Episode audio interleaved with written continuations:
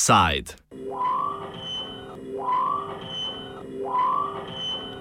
Prepovedan gladovni upor.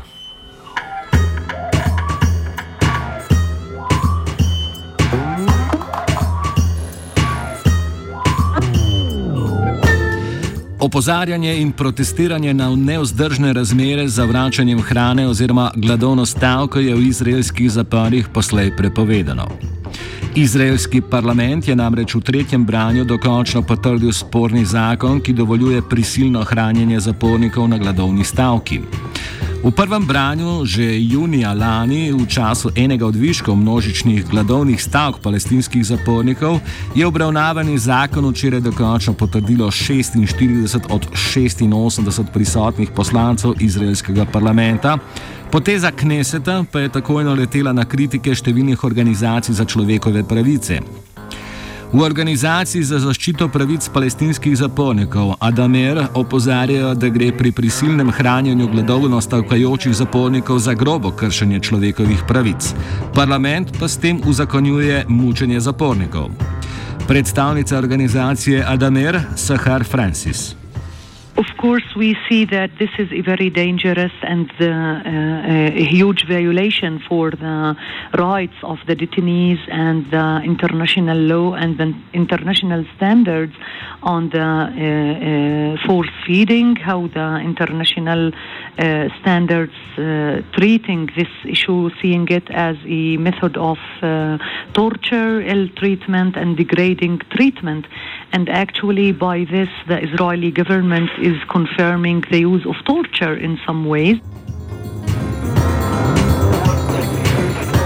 Med lansko prvo obravnavo spornega zakona in njegovo končno različico je bilo vnešenih nekaj zakonskih amadmajev.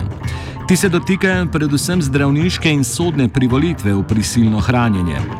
To naj bi bilo namreč dovoljeno le v primeru, da bi omenjeni potrdili, da je z gladovno stavko resno ogroženo dolgotrajno zdravje ali življenje.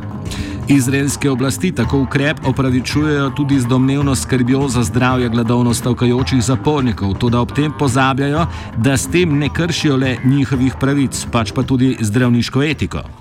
The procedures where you need a permission from the special uh, commission, like um, the health commission. Uh, um, ethical committee that has to uh, review the application of the prison system and such things like which, which they claim that uh, they are doing all these uh, legislation in order to protect the detainees while as i said before they ignore the demands of the detainees themselves and ignore the fact that actually they are enforcing a treatment and enforcing uh, a, um, a medical uh, care on a patient that is also violating the medical uh, ethics.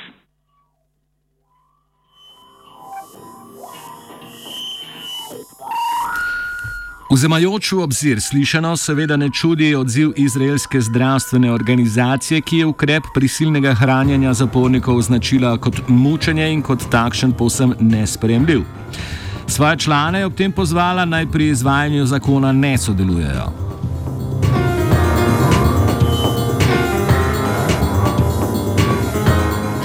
A medicinska etika, kot tudi zdravje gladovno štrajkajočih, predvsem palestinskih zapornikov v izraelskih zaporih, na katerega si sicer tudi sklicuje, desne koalicije premijeja Benjamina Netanjahuja v resnici ne zanima preveč.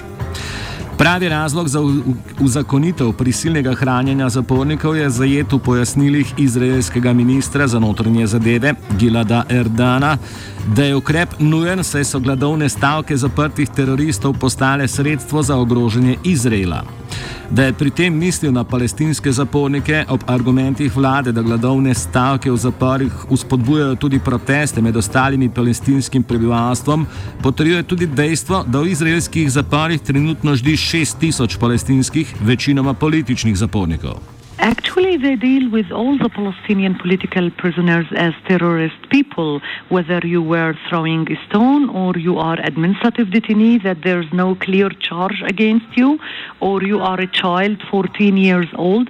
And of course, this is the Israeli argument where the 6,000 Palestinian prisoners that they are held in the Israeli prisons, they are arrested because they were opposing the occupation and the occupation policies in the occupied territories, and this is a very uh, basic uh, right according to the international law for the people under occupation everywhere in the world to resist the uh, occupation.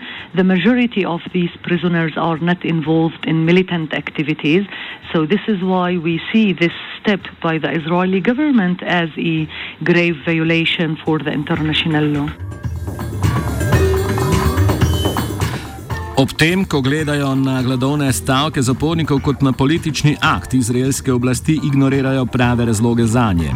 Ti pa izvirajo iz nehumanih razmer, v katerih se v izraelskih zaporih nahajajo predvsem zaporniki. Basically, for example, on the issue of the administrative detention, uh, as I said, this is a detention based on secret information, indefinite detention actually, because you will never know when you would be released. It's for six months and they can renew it indefinitely. For, so uh, the administrative detainees went in hunger strike in the last couple of years against this policy of uh, the administrative detention that is described by the arbitrary working group uh, on arbitrary detention in the UN as a psychological torture. Also, on the daily level in the prisons, the life conditions uh, of these prisoners. Like just yesterday, for example, the special forces attacked uh, one section in Nafha prison and caused damage and uh, uh attacked physically the prisoners. It happens every day. They uh, are banned from family visits. Hundreds of prisoners they don't get permit to visit. The families don't get permits to enter to inside Israel to visit their relatives. They are not allowed to study in the university while in prison. They are subjected to long terms isolation in individual like isolation cells. Uh, the health there's huge health neglect in the uh, prison system. Four detainees died in 2013 out of health neglect and all like on, on the daily level there's daily uh, violations of their basic rights and punishments that they are subjected to and this is why they are going for hunger strikes